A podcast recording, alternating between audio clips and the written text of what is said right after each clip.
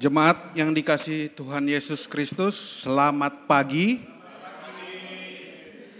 Puji syukur kita panjatkan kehadirat Tuhan yang Maha Kuasa karena begitu besar kasihnya kepada kita semua sehingga kita boleh berkumpul dan beribadah kembali di tempat ini secara hybrid dan juga live streaming melalui kanal YouTube GKI Sarwa Indah. Bagi Bapak, Ibu, Saudara dan saudari yang baru pertama kali mengikuti ibadah hybrid dan juga live streaming melalui kanal YouTube GKI Sarwa Indah, kami mengucapkan selamat datang dan selamat bergabung di dalam persekutuan GKI Sarwa Indah. Pokok-pokok warta untuk hari ini adalah sebagai berikut. Kebaktian umum minggu ketiga sesudah Epifani pada pagi hari ini dilayani oleh Pendeta Christian Dewantara. Kebaktian remaja onsite diadakan pada hari ini, Minggu 21 Januari 2024, pukul 8 WIB dengan tema Trust. PF oleh Ibu Desi Lumban Raja, Majelis Pendamping oleh Penatua Jojor Sri Rejeki Tobing bertempat di ruang ibadah remaja Sekolah Nusa Indah. Mohon perhatian jemaat.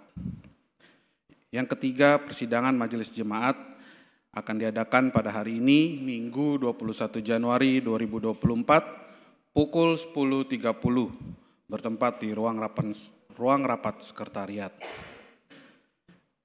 Yang keempat, bidang persekutuan dan keesaan.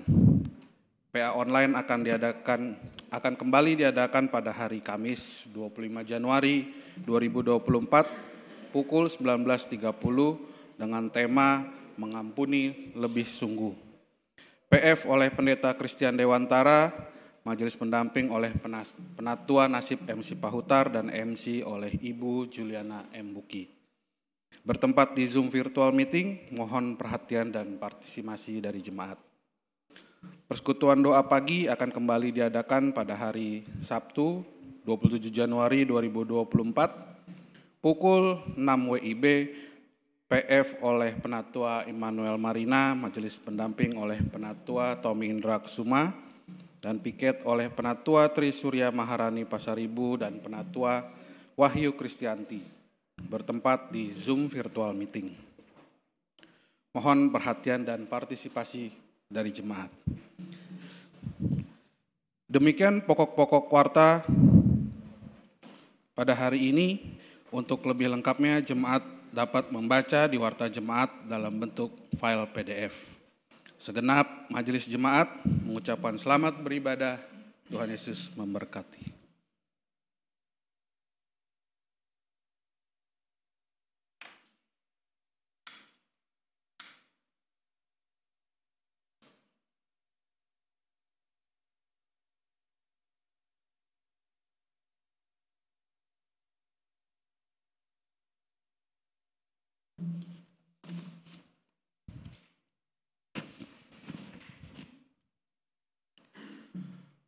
Saudara-saudara yang dikasihi Tuhan Yesus, saat ini kita memasuki ibadah minggu ketiga sesudah Epifani yang mengarahkan umat agar mampu melibatkan diri dalam momentum-momentum penting yang Tuhan sediakan bagi umatnya.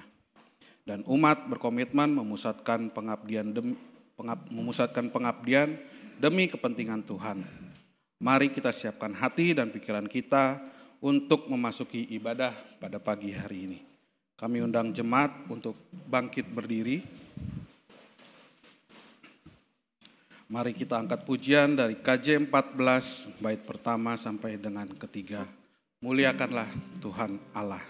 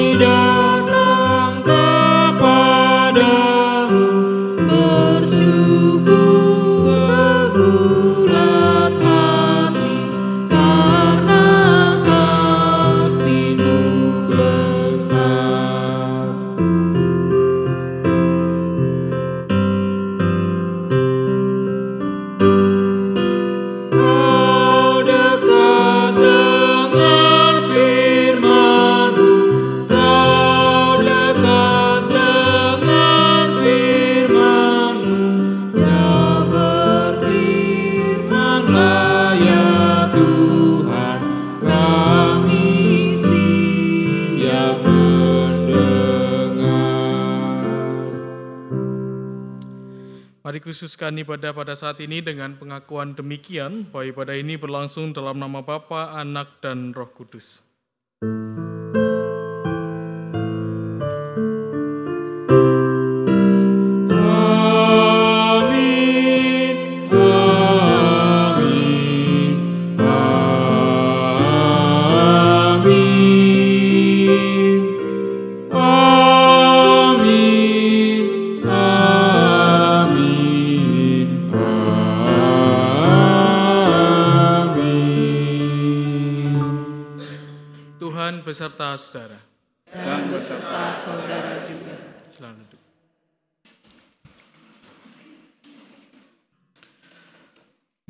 Kita mungkin memiliki orang-orang tertentu yang dikagumi. Mungkin karena ketenarannya, kehebatannya, kebaikannya, atau karena alasan lainnya. Karena rasa kagum yang begitu besar, maka kita ingin punya kesempatan untuk mengenalnya lebih dekat dan mengikuti cara hidupnya. Demikian juga dengan orang-orang di Kapernaum yang disebutkan dua kali bahwa mereka takjub. Pertama, mereka takjub ketika mendengar pengajaran Yesus yang penuh kuasa dan tidak seperti ahli Taurat. Kedua, mereka takjub ternyata bukan hanya karena pengajaran Yesus yang penuh kuasa, tetapi juga pelayanannya yang penuh dengan kuasa sehingga roh jahat pun tunduk kepadanya. Ketakjuban mereka hanyalah sebatas kagum dan rasa heran. Apa yang dilihat tidak membuat mereka ingin mengenal Tuhan secara pribadi. Tidak disebutkan bahwa di antara mereka ada yang percaya Yesus. Ironisnya, Alkitab justru menyebutkan bahwa roh jahat tahu tentang Yesus. Bahkan roh-roh itu takut kepadanya dan menaatinya. Bagaimana dengan kita? Apakah kita sudah mengenal siapa Yesus dan sudah mempunyai hubungan pribadi dengannya? Mari kita angkat pujian dari NKB 126 bait pertama sampai ketiga. Tuhan memanggilmu.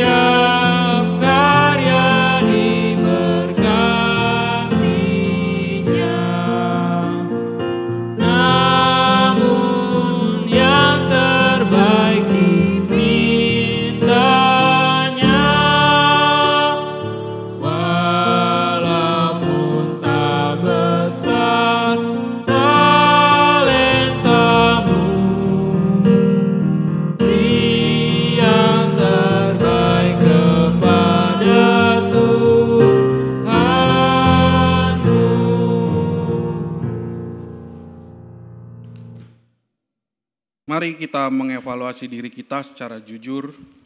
Kekristenan seperti apa yang selama ini kita jalani? Apakah kekristenan yang sekedar takjub, namun sama sekali tidak mau tahu dan mengenalnya lebih dalam? Apakah kita hanya mengaguminya sebagai Tuhan dan Juru Selamat, tetapi tidak memiliki relasi pribadi dengannya? Marilah kita hidup dalam Tuhan yang bukan hanya mengaguminya saja, tetapi juga mengenal dan mentaati serta senantiasa berkomunikasi dengannya. Umat dipersilakan doa pengakuan dosa terlebih dahulu secara pribadi dan kami akan menutupnya dengan doa pengakuan dosa.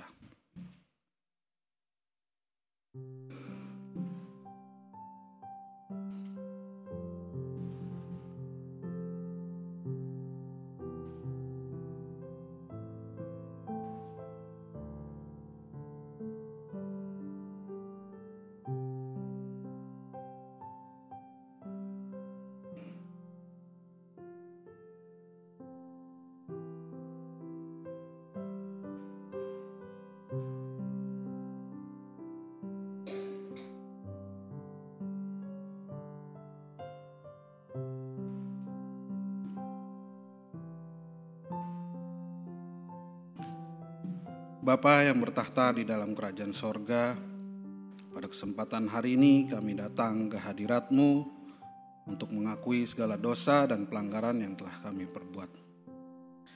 Baik dalam pikiran, perkataan, maupun perbuatan yang disengaja maupun yang tidak disengaja.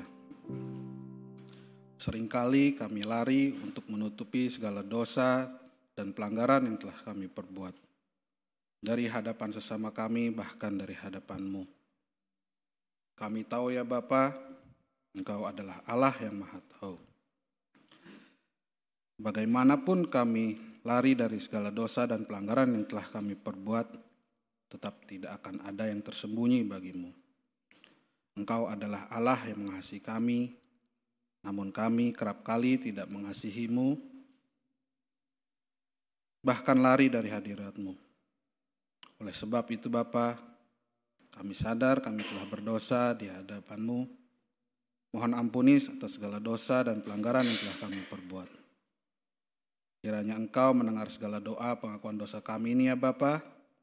Beri kami hati dan kekuatan yang baru mengalir pada pagi hari ini.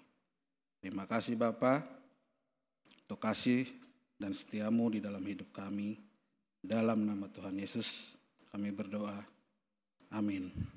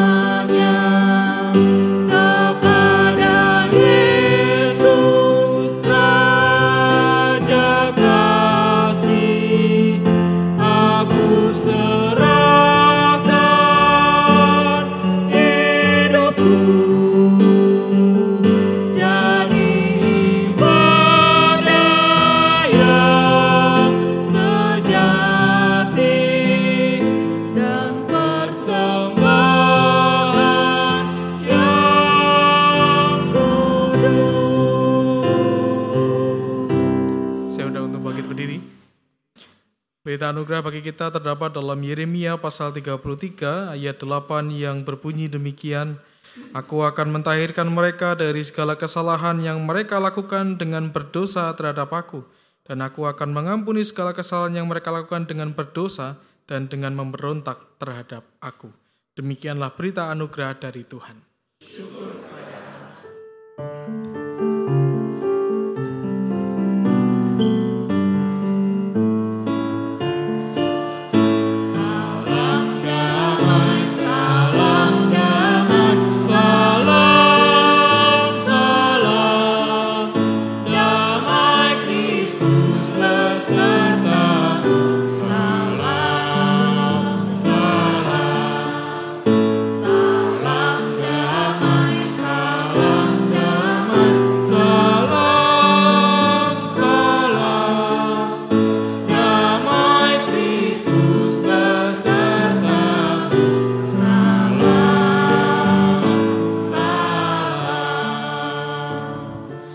Kita respon berita anugerah kita dengan memujikan nyanyikan lagi dung baru 116 siapa yang berpegang.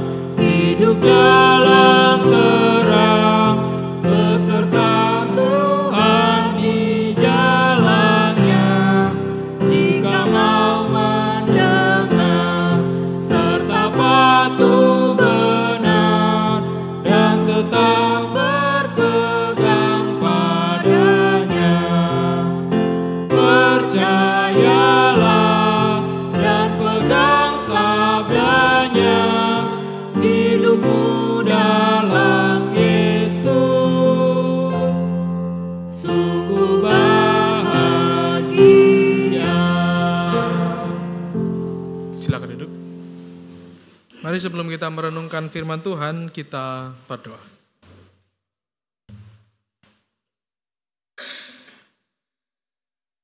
Dalam segala kelemahan kami, kami bersyukur karena Tuhan senantiasa menyertai kami. Kami memiliki pegangan dalam kehidupan kami.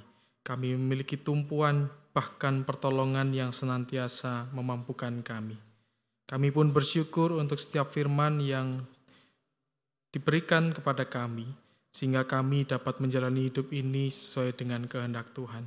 Dan bila sebentar lagi kami juga akan mendengarkan firman-Mu Tuhan, bimbinglah kami agar kami dapat memahami firman yang diberitakan, tapi terlebih kami juga dapat melakukannya dalam kehidupan kami sehari-hari. Berkati juga hambamu yang jauh dari sempurna ini, Tuhan mampukan dan pakai seturut dengan kehendak-Mu saja. Demi Kristus kami berdoa. Amin.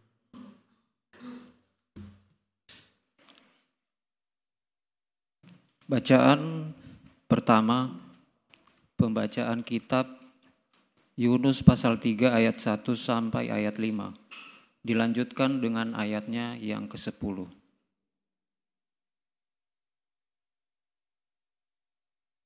Datanglah firman Tuhan kepada Yunus untuk kedua kalinya. Pergilah ke Niniwe, kota yang besar itu, dan serukan kepadanya pesan yang kufirmankan kepadamu. Yunus pun segera pergi ke Niniwe sesuai dengan firman Tuhan. Niniwe adalah sebuah kota yang mengagumkan besarnya, tiga hari perjalanan luasnya. Yunus mulai masuk ke dalam kota dan berjalan sepanjang hari. Ia berseru, empat puluh hari lagi Niniwe akan dijungkir balikan. Lalu orang Niniwe percaya kepada Allah. Mereka mengumumkan puasa dan semuanya, baik orang dewasa maupun anak-anak. Mengenai kain kabung, ketika Allah melihat apa yang mereka lakukan, bagaimana mereka berbalik, berbalik dari tingkah lakunya yang jahat, menyesallah Allah atas malapetaka yang akan dibuatnya terhadap mereka seperti yang telah disampaikannya. Ia pun tidak jadi melakukannya. Demikianlah sabda Tuhan.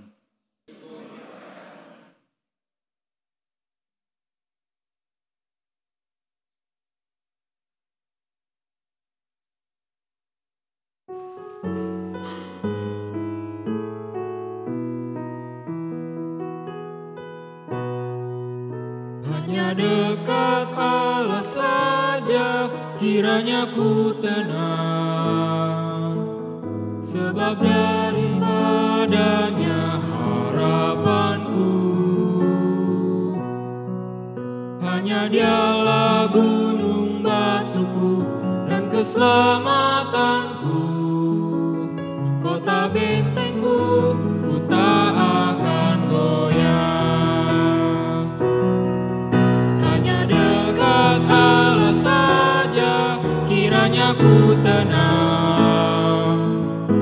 Sebab daripadanya harapanku.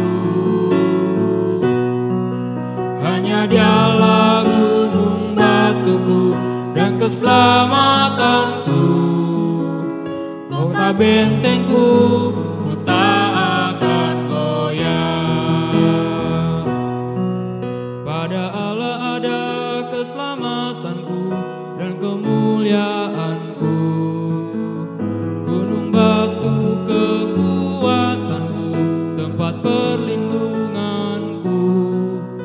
Percayalah padanya tiap waktu.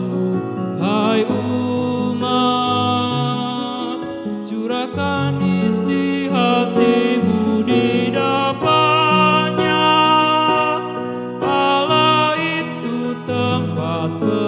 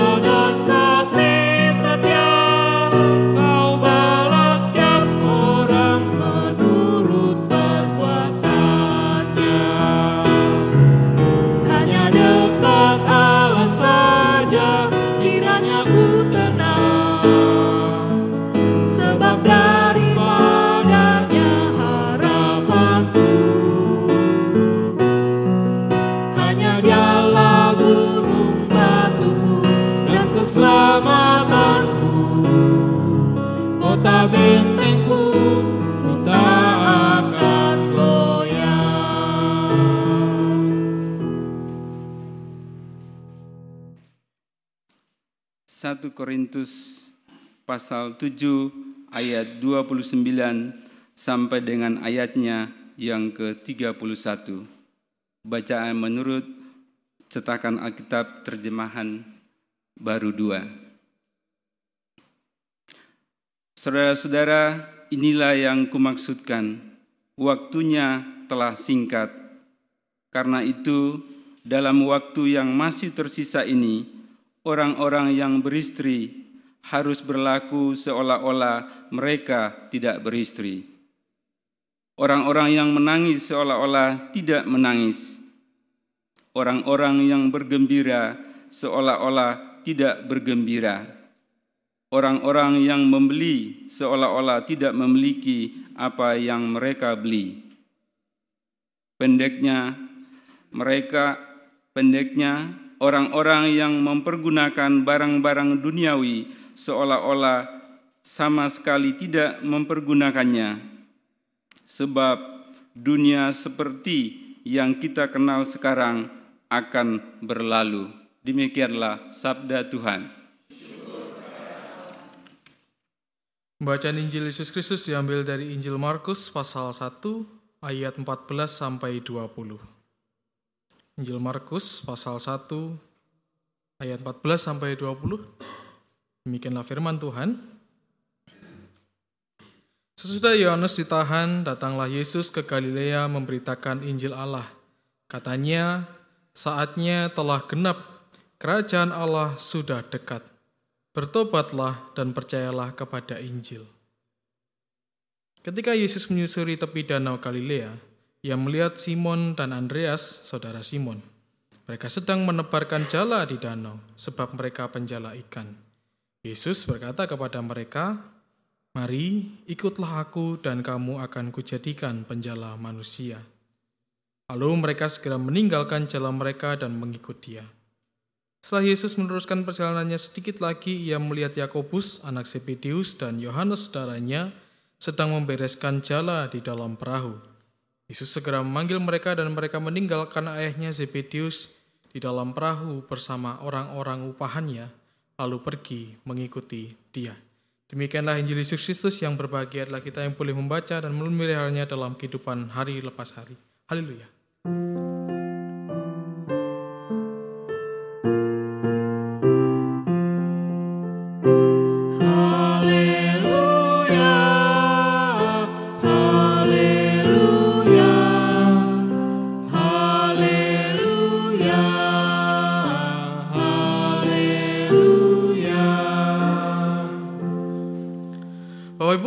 Misal Bapak Ibu Saudara dapat kesempatan kedua kali terhadap satu hal yang sampai hari ini Bapak Ibu sesalkan, kira-kira mau nggak ngambil itu?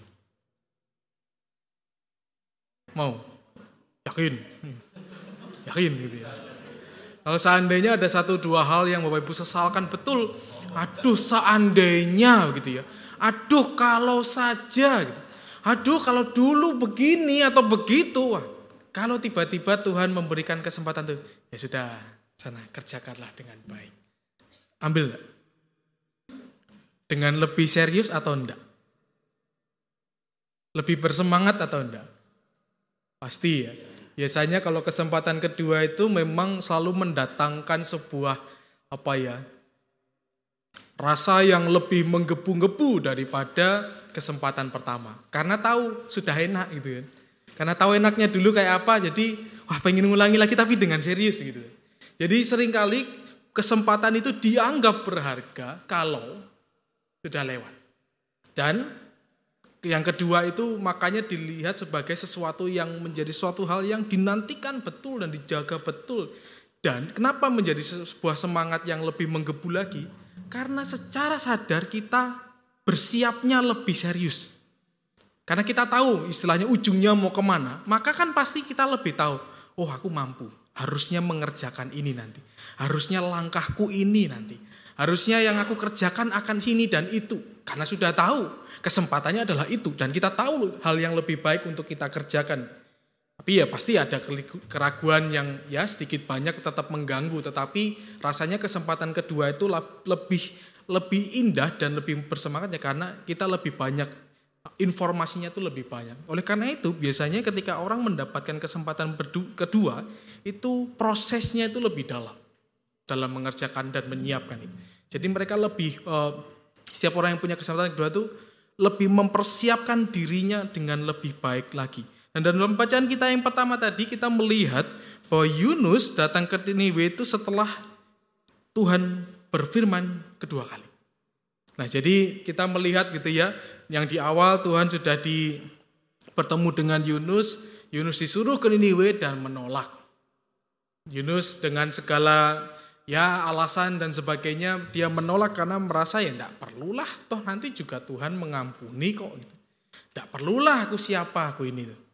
Akhirnya kita melihat sendiri bahwa dia sampai kepada uh, peristiwa melarikan diri begitu ya dan sampailah dia naik kapal. Dan di kapal itulah terjadi sesuatu yang lebih dahsyat lagi.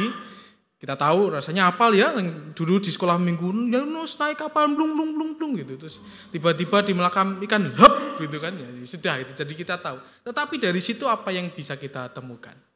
Yunus sebenarnya kalau kita eh, kalau Bapak Ibu Saudara ikut PA kami selalu kami membahas ini cukup dalam bahwa sebenarnya langkah Yunus itu buruk fatal dia minta dibuang dari kapal itu untuk apa bunuh diri jadi dia semata-mata untuk dibuang, minta di, ya udah aku buang aja lah. Biar kalian selamat, aku dibuang aja. Dengan anggapan kalau dia dibuang, mati, gak jadi disuruh Tuhan. Ya toh? Gak jadi dia akan pergi ke Niniwe itu. Istilahnya, mau ketemu di, dengan Tuhannya di surga, ah, gak bisa Tuhan, aku sudah mati. Gitu. Mungkin saja seperti itu. Tetapi ternyata Tuhan menggunakan peristiwa yang tidak lazim. Dia di perut ikan dan menurut saya, ketika saya mempersiapkan ini, di titik itulah Yunus menyadari bahwa apa? Tuhan pun bisa stop dulu, tidak bisa kamu bunuh diri. Kalau aku tidak mengizinkan kamu punya tugas, tidak bisa. Jadi ternyata Yunus menyadari dia mau lari ke apa pun, bahkan pilihannya mau mati sekalipun, tidak bisa. Tuhan lebih berkuasa daripada kematian yang mau dipilih oleh Yunus. Dan dia juga menyadari itu berarti apa? Di dalam Tuhan ada keamanan. Ketika ia menggumulkan, saya rasa di dalam perut ikan itu dia tidak hanya uh, bersedih karena kita di dalam pasal 2 kita bisa lihat dia berdoa, berdoa cukup panjang begitu ya kepada Tuhan ketika dia di dalam perut ikan dan dia mungkin menyadari bahwa ya ini keputusan yang salah ketika aku lari dan min, dan ingin mati, ingin bunuh diri dengan dilempar ke laut itu adalah sebuah hal yang salah. Nah, sebenarnya Bapak Ibu Saudara, wajar kalau Yunus ini takut untuk disuruh ke Niniwe. Karena Niniwe ini bukan bangsa Israel. Nah, Niniwe ini ternyata adalah wilayah Asyur. Nah, kalau Bapak Ibu Saudara baca dalam perjanjian lama, ada beberapa kali kerajaan Asyur itu disebutkan. Nah, persoalannya ini kerajaan Asyur itu pernah mengalahkan Israel. Jadi Asyur itu pernah dipakai Tuhan untuk menghukum Israel. Jadi bayangkan, bayangkan ini istilahnya, istilahnya nih ya. Kalau konteks sekarang, misal seorang Palestina disuruh datang ke Israel, suruh ngomong bertobat. Berani enggak? Loh iya, kan gambarannya begitu. Asyur ini kerajaan yang besar yang pernah dipakai Tuhan untuk mengalahkan, menghukum Israel. Lalu si Yunus yang bukan siapa-siapa disuruh ke Asyur untuk mengatakan, hei kamu bertobatlah. Kalau kita yang disuruh jadi Yunus berani enggak Bapak Ibu? Wah pasti alasan kita lebih banyak gitu ya daripada Yunus. Ya karena memang tidak mudah.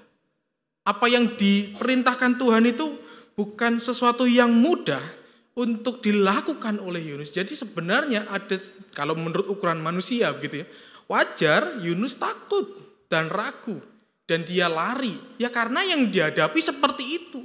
Bahkan di dalam bacaan kita tadi dikatakan tiga kali perjalanan. Berarti itu kan luas banget.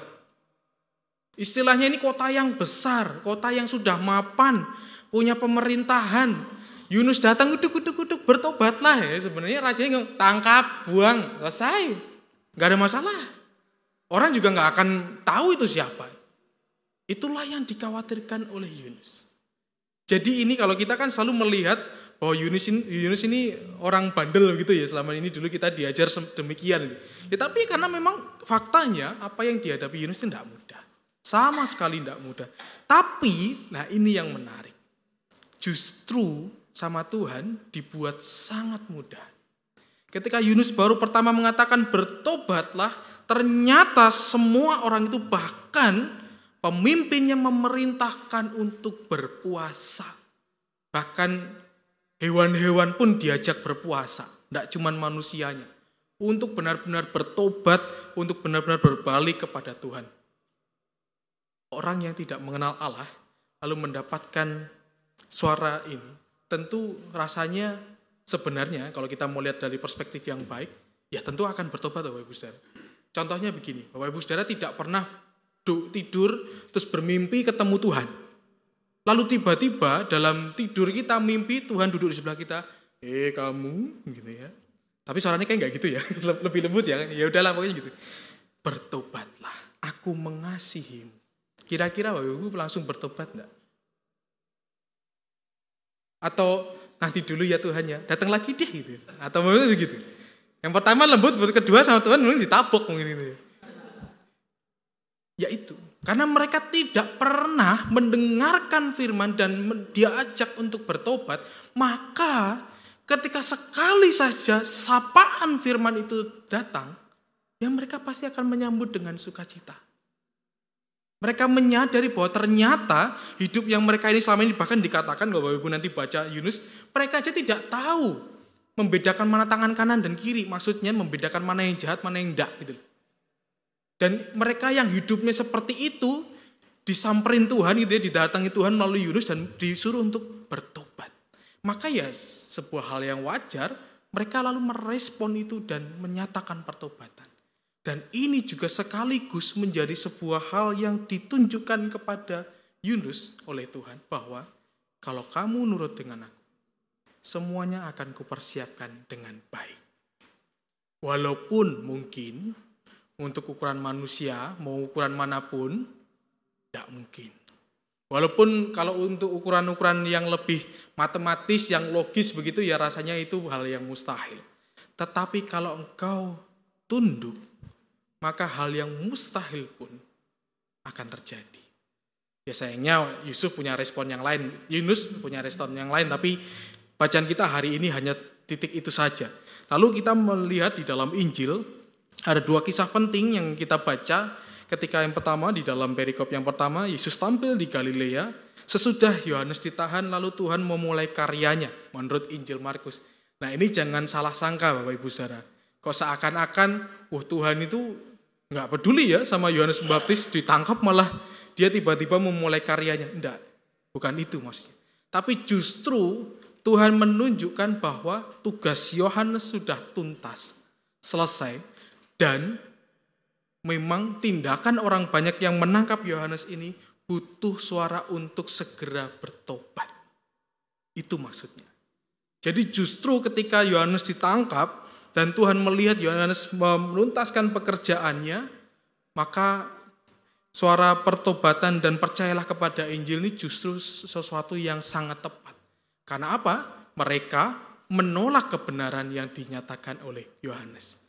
Maka itulah menjadi suatu momen yang pas gitu ya, menjadi sebuah waktu yang tepat di mana Tuhan menyatakan bahwa sudah saatnya sudah genap gitu ya. Kerajaan Allah sudah dekat, bertobatlah dan percayalah kepada Injil. Ada momen penting di situ.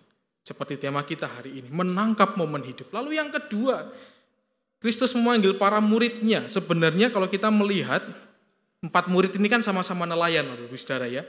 Dan kok agaknya bukan sebuah kebetulan Tuhan memilih para nelayan ini untuk menjadi muridnya. Karena apa? Saya menemukan beberapa hal yang sebenarnya menarik. Nah, pelayan ini kan eh pelayan, nelayan ini adalah orang yang bekerjanya itu konsisten dan berkomitmen. Lah bayangin apa? Pendapatan mereka setiap hari loh. Istilahnya mereka nggak ke laut, nggak ke danau, nggak dapat duit mereka. Dan tidak tentu. Tergantung berapa banyak ikan yang mereka dapatkan. Jadi secara etos kerja, secara kemampuan mereka sudah punya satu hal yang baik sekali. Mereka berkomitmen dengan pekerjaannya. Mereka benar-benar tangguh dengan pekerjaan yang mereka pilih. Yang sebenarnya itu sebuah pekerjaan kasar yang istilahnya orang itu menjadi opsi yang agak belakang gitu kalau orang mencari pekerjaan. Tapi di situ Tuhan melihat bahwa orang-orang ini adalah orang-orang yang berintegritas dan berkomitmen dalam pekerjaan. Dan yang kedua ini yang paling menarik yang saya temukan adalah walaupun mereka orang yang sederhana sebagian lain, tapi mereka punya apa? Intuisi, Intuisinya misal, oh anginnya begini, aku berlayar. Oh di sana kayaknya ada ikan, ke sanalah mereka. Oh ada tanda alam ini, oh aku harus ke sana. Oh ini anginnya gini, oh aku nggak berangkat dulu. Jadi nelayan ini sudah terlatih, intuisinya, instingnya terhadap alam itu benar-benar terlatih. Itu berarti mereka adalah orang-orang yang mampu mempertimbangkan segala sesuatunya dengan tepat. Nah, karena kalau enggak, nyawa mereka yang taruhan. Ya kan? Sudah berlayar, tiba-tiba ada badai, dan mereka misal tahu ini badai ngeyel berlayar, ya bisa tumbang kan laut, kapalnya. Atau kalau mereka tidak punya perhitungan yang tepat, ya nyapain-nyapain badan, nyampe di tengah danau atau laut, nggak dapat ikan. Jadi mereka sudah terbiasa memperhitungkan segala sesuatunya mereka orang-orang yang benar-benar punya insting yang tajam. Dan yang ketiga yang tidak kalah menarik, karena masyarakat pada saat itu hidupnya di dekat sungai, di dekat laut, maka mereka sudah terbiasa dengan apa? Berjumpa dengan banyak orang. Dan inilah yang dibutuhkan Tuhan. Jadi mereka sudah terbiasa ngomong. Mereka biasa bertemu dengan orang-orang yang macam-macam mereka sudah terbiasa untuk lalu apa namanya yang hadapi orang-orang yang segala macam bentuknya. Jadi sebenarnya bukan sebuah kebetulan para nelayan ini dipilih oleh Tuhan. Walaupun memang secara kelas sosial mereka bukan kelas yang paling tinggi begitu. Mereka bahkan dianggap pekerja keras yang bekerja menggunakan fisiknya. Oleh karena itu yang menarik ketika mereka lalu ketika Tuhan mengajak ikutlah aku, mari ikutlah aku dan kamu akan kujadikan penjala manusia. Mereka langsung berangkat. Kenapa? Saya yakin itu salah satunya karena insting mereka. Bahwa Tuhan ini, ini orang benar. Insting mereka itu. Jadi ketika Tuhan mengajak ikutlah aku, maka engkau akan kujadikan penjala manusia. Selain pekerjaan roh kudus tentu, tetapi karena mereka juga punya insting yang tajam bahwa ini orang benar. Dan apalagi ditopang, didorong oleh Roh Kudus. Maka menjadi sesuatu hal yang sangat indah untuk kita syukuri sebenarnya ketika kita merenungkan hari ini. Jadi justru kesediaan mereka untuk mengikut Tuhan itu bukan spontan yang ngawur gitu. Tapi justru karena mereka siap betul dengan apa yang akan mereka hadapi ke depan walaupun mungkin beberapa hal masih tertutup gitu menjadi misteri. Tapi mereka tahu bahwa mengikut Tuhan ini jalan yang benar. Insting mereka mengatakan itu dan dorongan Roh Kudus. Nah, jadi semua orang ternyata punya momentum ya dalam dalam hidup. Yunus punya kesempatan kedua kali didorong oleh Tuhan untuk menyatakan pertobatan. Tuhan pun juga memakai momentum ketika Yohanes ditahan, lalu para murid pun juga langsung mengikut Tuhan. Lalu bagaimana momentum hidup kita? Adakah yang masih punya meyakini ada satu momen yang harus kita ambil atau kita sedang dalam kondisi yang tanpa pengharapan? Kayaknya aku sudah melewatkan semua momenku. Atau itu yang sedang kita pikirkan. Ada sebuah uh, kalimat yang sebenarnya ini tidak tahu siapa yang menuliskan, tetapi menurut saya satu hal yang baik yang saya bagikan dikatakan demikian. Salah satu karunia paling berarti yang dihadiahkan Tuhan dalam hidup ini sesungguhnya bukanlah berupa barang, tetapi kesempatan. Contohnya, kesempatan hidup dalam anugerah, kesempatan bertobat, kesempatan bekerja, kesempatan berusaha, kesempatan belajar, kesempatan istirahat, kesempatan untuk memikirkan masa depan, kesempatan untuk apa? Memakai waktu untuk kalau kata anak-anak sekarang tuh self healing gitu ya, healing healing itu lah apa, apa self reward apa apa itulah bola itu lah ya. Itu sebuah kesempatan. Dan itulah salah satu anugerah yang paling indah yang Tuhan berikan kepada kita. Hidup kita ini adalah kesempatan. Kan ada lagu tuh ya, yang pasti Bapak Ibu semua kenal apalagi cool tuh. Hidup ini adalah kesempatan. Hidup ini adalah sebuah kesempatan. Tiap hari kesempatan itu datang kepada kita. Bentuknya macam-macam. Ada yang bisa kita tangkap, tapi mungkin saja ada yang juga bisa terlepas dari ada yang bisa kita pertahankan dan kita kembangkan, tapi juga mungkin ada sesuatu yang stagnan, yang tampaknya tidak berkembang sedemikian rupa. Nah, oleh karena itu, kita melihat apa yang dikatakan Paulus pada bacaan kita. Nah, ini jangan salah maksud ya Bapak Ibu ya. Dikatakan kan tadi karena itu dalam waktu yang masih tersisa ini orang-orang yang beristri haruslah berlaku seolah-olah mereka tidak beristri. Maksudnya bukan tidak bertanggung jawab kepada istrinya, bukan itu ya. Tolong, tolong ini hati-hati membaca ini. Ini ini nanti jadi alibi. Kan katanya Paulus begitu gitu ya. Tidak begitu maksudnya. Maksudnya adalah tentang keterikatan kepada hal duniawi. Lalu apakah orang Kristen tidak boleh punya pasangan, punya harta benda, punya ilmu, punya kemampuan? Boleh.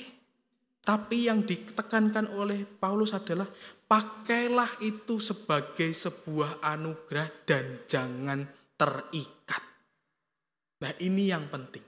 Nah kenapa kok dikatakan seperti itu? Sebenarnya ada uh, lanjutannya di ayat 32 yang tidak kita baca. Paulus mengatakan begini, Aku ingin supaya kamu hidup tanpa kekhawatiran. Nah, apa hubungannya kesempatan, momentum dengan kekhawatiran? Kesempatan itu akan datang terus kepada kita Bapak Ibu. Tetapi kalau kita terlalu menggenggamnya sangat erat sampai-sampai memprioritaskan itu daripada Kristus, percayalah bahwa kesempatan yang seharusnya menjadi anugerah itu akan menjadi sesuatu yang membuat hati kita khawatir. Khawatir kalau nggak dapat. Khawatir kalau hilang. Khawatir kalau rusak. Khawatir kalau diomongin orang. Khawatir kalau nanti tiba-tiba hidupku merasa tidak lebih berharga daripada orang lain. Khawatir kalau nanti begini, khawatir kalau begitu, khawatir begini. Itu maksud Paulus. Jadi kejarlah setiap momen yang datang kepada hidup kita, tapi jangan merasa memiliki itu menjadi sebuah hak milik sepenuhnya. Itu maksudnya. Nah, kalau saya sih yakin Bapak Ibu Saudara itu kalau menangkap momen hidup untuk pekerjaan masa depan tidak kurang lah ya. Pasti Bapak Ibu Saudara jeli banget lah untuk itu. Tapi saya ingin mengajak kita merenungkan bagaimana kalau momentum itu adalah undangan untuk melayani. Nah, ini ini rada-rada susah memang. Sebab apa? GKI menghayati kesempatan melayani itu adalah panggilan, bukan daftar. Apalagi aku lo bisa. Tidak, bukan begitu. GKI menghayati bahwa pelayanan adalah undangan. Ketika kesempatan itu diberikan kepada kita, bagaimana respon kita? Nah ini, ini rada serius. Enggak, canda aja. Tapi maksudnya selalu saya yakin lah Bapak Ibu Saudara kalau berbicara momentum hidup dengan berkaitan dengan pekerjaan, hidup pribadi, hidup keluarga, studi, segala macam, apa pun itu, Bapak Ibu Saudara sudah canggih. Dan saya yakin bisa. Tetapi bagaimana kalau momentum itu berkaitan dengan panggilan pelayanan? Nah, ini memang tidak mudah. Karena ya kita harus tahu, melayani itu kan tidak bisa istilahnya memberikan diri sisa-sisa tuh ya. Karena biar enggak istilahnya wah karena udah capek ya udahlah segini aja pelayananku. Betul. Dan memang butuh komitmen yang berat. Karena gini, melayani itu jarang diapresiasi. Seringnya dikritik. Coba Bapak Ibu penatua, coba buat satu kesalahan. Nanti pasti ada surat cinta yang lalu datang itu ya. Itu beratnya.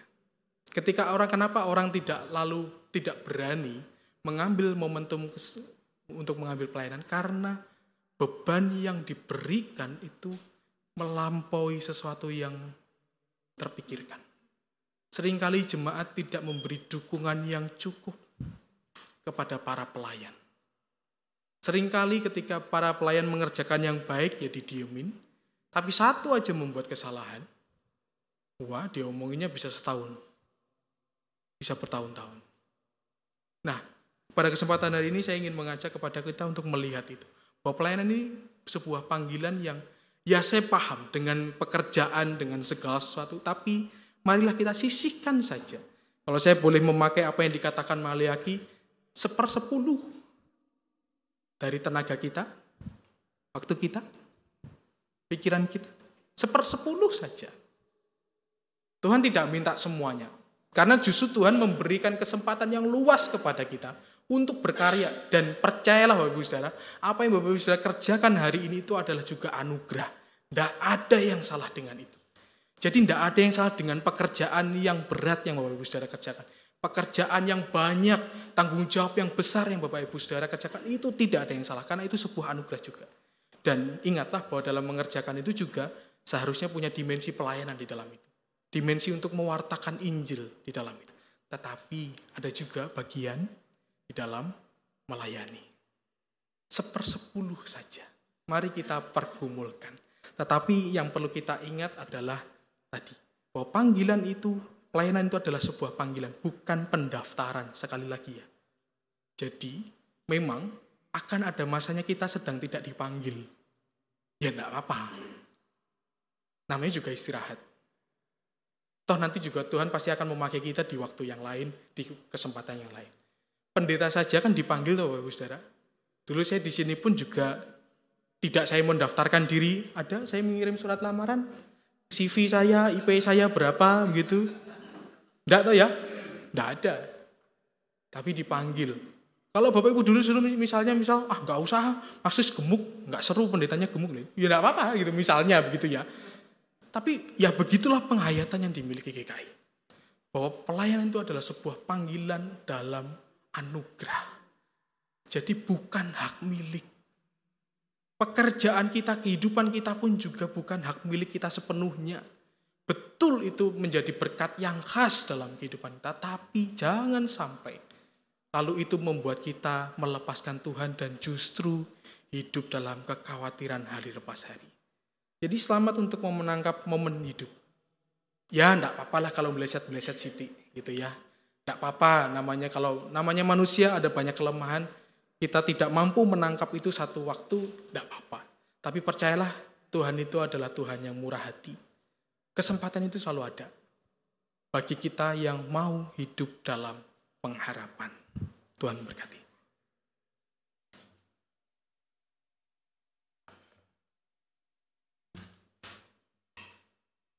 Saat hening untuk kita semua.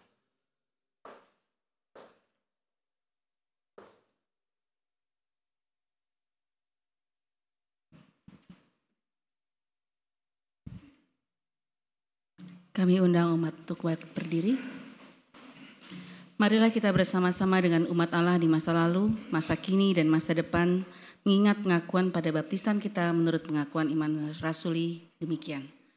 Aku percaya kepada Allah, Bapa yang Maha Kuasa, Kalik langit dan bumi, dan kepada Yesus Kristus, anaknya yang tunggal Tuhan kita, yang dikandung daripada roh kudus, lahir dari anak darah Maria, yang menderita sengsara di bawah pemerintahan Pontius Pilatus, disalibkan, mati dan dikuburkan, turun ke dalam kerajaan maut.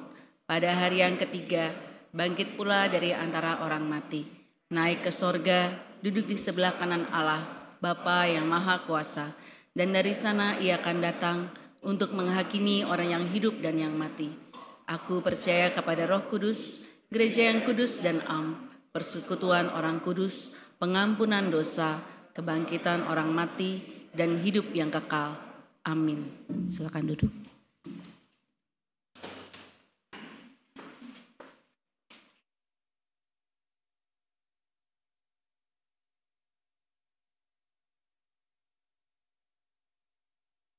Kita berdoa.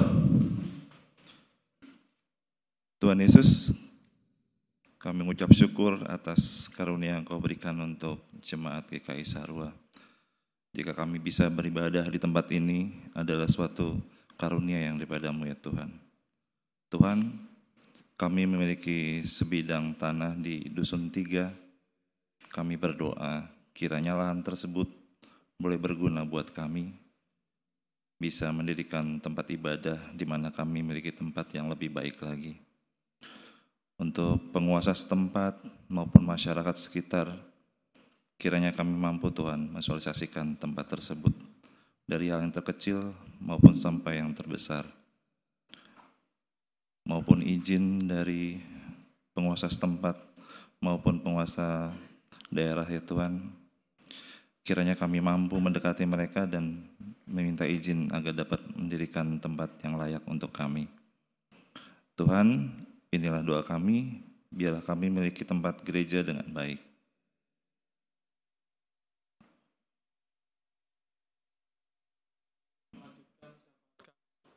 Kami juga bersyukur untuk saudara kami yang dalam minggu ini berulang tahun.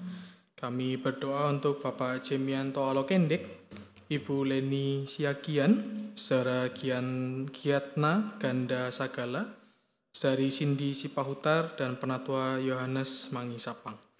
Kami bersyukur untuk saudara kami yang dalam minggu ini boleh merasakan pertambahan usia mereka. Mereka boleh dapat merasakan pemeliharaan dan kasih Tuhan dalam kehidupan mereka hari lepas hari. Tuhan kami juga berdoa untuk saudara kami yang masih dalam pemulihan dan sakitnya. Kami berdoa untuk Ibu Mami Palon, Ibu Hana Panjaitan, Ibu Yulia Krisnyanti, Bapak RC Siagian, Bapak Rudi Pasaribu, Ibu Sri Herawati Hutasoid, Ibu Irna Kurniari Nisiadari, Bapak Rafles Simamora, Ibu Rusina Limbong Sagala, Bapak Hotman Tua Hutapea, Oma Sarajaya Sumadi, Oma Wilma Patiwail, Bapak Bramadi Krisasta, Bapak Yohanes Tagalung, Ibu Kadek Wiryanti, Bapak Christian Hutagalung, Ibu Nika Elizabeth Buki, Bapak Wahyu Hidayat, Ibu Yohana Triani, Ibu Maria Magdalena, Ibu Tambunan, dan juga Bapak Oscar Simamora, serta saudara kami yang lain yang belum tertulis di dalam warta tetapi kami mengetahui bahwa mereka juga sedang sakit atau sedang mengalami kelemahan tubuh. Kami mohon Tuhan melawat saudara kami ini dalam segala hal yang diupayakan baik bersama dengan tim dokter maupun juga bersama keluarga Kiranya Tuhan boleh menguatkan mereka dan juga mendukung dalam segala upaya yang dikerjakan. Kami mohon Tuhan juga memulihkan kehidupan saudara kami dalam segala hal yang mereka gumulkan terkait dengan kondisi tubuhnya. Kami pun juga berdoa Tuhan untuk segenap jemaat dan simpatisan GKI Sarwa Indah. Tuhan kiranya memberkati kami agar dalam menjalani kehidupan kami, kami benar-benar dapat menangkap momentum hidup kami. Baik dalam pekerjaan kami, usaha kami, studi kami, ataupun hal-hal lain yang kami kerjakan, bahkan dalam masa pensiun kami, atau bagi anak-anak kami yang mereka dalam studi mereka, biarlah setiap dari kami dapat hidup dengan bertanggung jawab dan mengambil kesempatan yang Tuhan percayakan kepada kami. Baik dalam kehidupan kami untuk hal-hal yang mencukupkan kehidupan kami hari lepas hari, ataupun ketika momen pelayanan itu Tuhan berikan kepada kami. Biarlah Roh Kudus boleh senantiasa membimbing kami, agar dalam mengerjakan segala sesuatunya hari demi hari kami dapat mengerjakannya dengan baik dan terus memuliakan nama Tuhan dalam segala hal yang kami lakukan. Jalan kami juga untuk tetap rendah hati dalam menangkap momen hidup itu, agar kami tidak memiliki sikap yang sombong atau bahkan meremehkan orang di sekitar kami yang tidak mendapatkan kepercayaan sama seperti kami. Biarlah kami juga terus dapat berproses untuk memperbaiki diri kami dan boleh terus menyatakan kebenaran Tuhan di dalam setiap kesempatan yang Tuhan berikan. Kami juga berdoa untuk seluruh pelayan yang ada di GKI Sarwa Indah. Tuhan kiranya memberkati dalam segala pelayanan yang dikerjakan, berikanlah kesatuan hati, dan biarlah dalam segala yang dilakukan, setiap pelayan di GKI Sarwa Indah boleh tetap mengandalkan Tuhan saja dan memuliakan nama Tuhan dalam setiap karya pelayanan yang dilakukan. Kami juga berdoa untuk kota kami, kota Tangerang Selatan, di mana kami tinggal, dan beberapa saudara kami ada di Kabupaten Bogor dan juga di Jakarta. Tuhan kiranya memberkati dalam segala hal yang kami lakukan. Biarlah dalam mengerjakan apa pun yang kami lakukan. Kami pun juga menjadi warga negara yang baik, yang juga bertanggung jawab untuk membawa kebaikan kepada kota kami. Berkati juga para pemimpin yang ada di daerah kami dan di sekitarnya, biarlah dalam mengambil kebijakan mereka benar-benar mempertimbangkannya dengan baik dan mereka dapat membawa tanggung jawab ini dengan baik dan juga membawa kehidupan masyarakat boleh menuju ke arah yang lebih baik lagi. Berkati juga negara kami dalam proses pemilu yang sudah berjalan, kami sudah melihat banyak hal dalam dinamika politik yang terjadi hari-hari ini. Tuhan kiranya membimbing agar kami boleh tetap menjaga kerukunan dan juga keamanan bersama. Biarlah ketika kami mendukung satu dua orang yang kami pilih tidak menimbulkan konflik, tapi justru kami dapat menemukan bahwa perbedaan ini adalah sebuah anugerah yang Tuhan berikan dan kami belajar untuk hidup di dalamnya, terlebih kami juga dapat merayakan itu semua. Biarlah keberagaman yang terjadi, terkhusus dalam dunia politik ini, boleh justru menyatukan bangsa kami. Sehingga kami dapat saling menyadari bahwa kami pun berbeda, tetapi punya satu tujuan yang sama, yaitu untuk membuat negara kami lebih maju lagi. Berkati juga para pemimpin yang ada di dalam pemerintahan baik pusat maupun daerah biarlah mereka juga mengerjakan segala tanggung jawab mereka dengan baik mengerjakan segala hal yang dipercayakan kepada mereka dengan komitmen yang baik sehingga kebijakan-kebijakannya pun juga menjadi hal yang baik bagi kehidupan bangsa dan negara kami. Inilah seluruh syukur kami Tuhan yang kami alaskan dalam nama Tuhan Yesus Kristus, Tuhan yang telah mengajarkan kami berdoa demikian.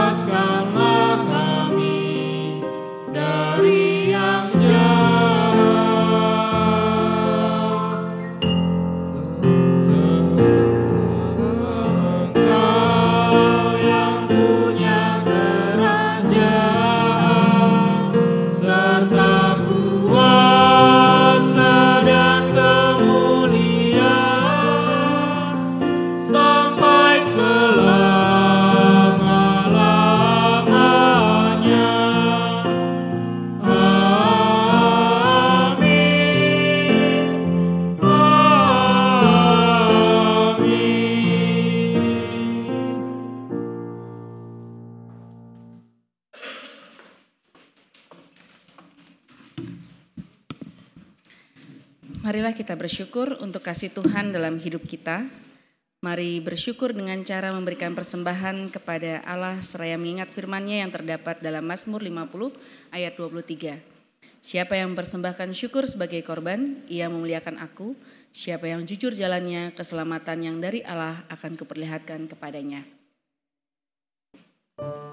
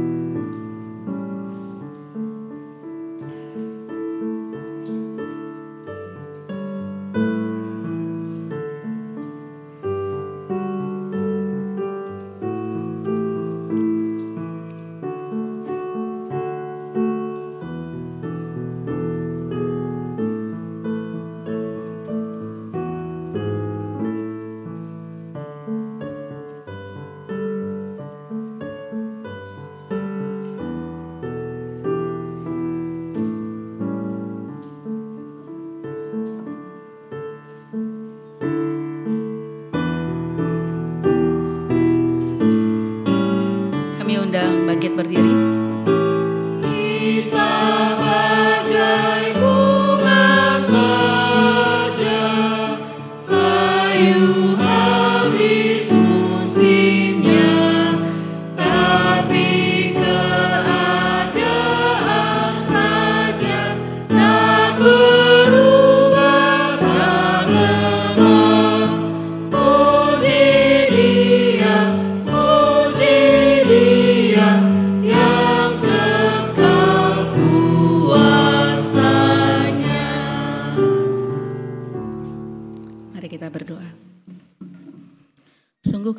Sungguh, Bapa kami bersyukur kepadamu atas semua kemurahan-Mu dalam kehidupan kami, pemeliharaanmu yang selalu mengiringi hidup kami dan tak pernah berhenti.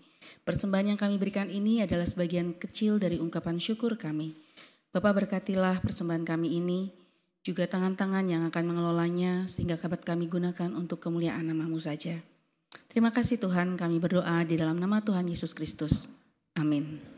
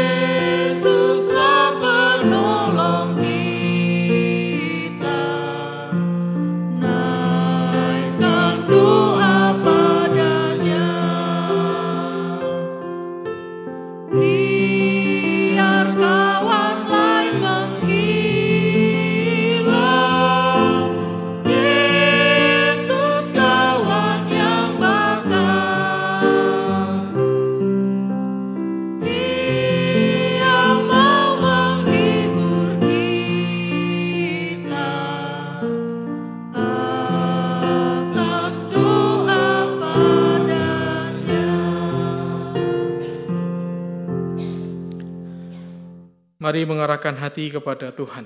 Kami mengarahkan hati kepada Tuhan. Jadilah saksi Kristus dengan mengerjakan apa yang benar setiap saat. Syukur pada Terpujilah Tuhan. Dan kini terimalah berkat dari Tuhan. Tuhan berkati engkau dan melindungi engkau. Tuhan menyinari engkau dengan wajahnya dan beri engkau kasih karunia. Tuhan menghadapkan wajahnya kepadamu dan beri engkau damai sejahtera. Amin.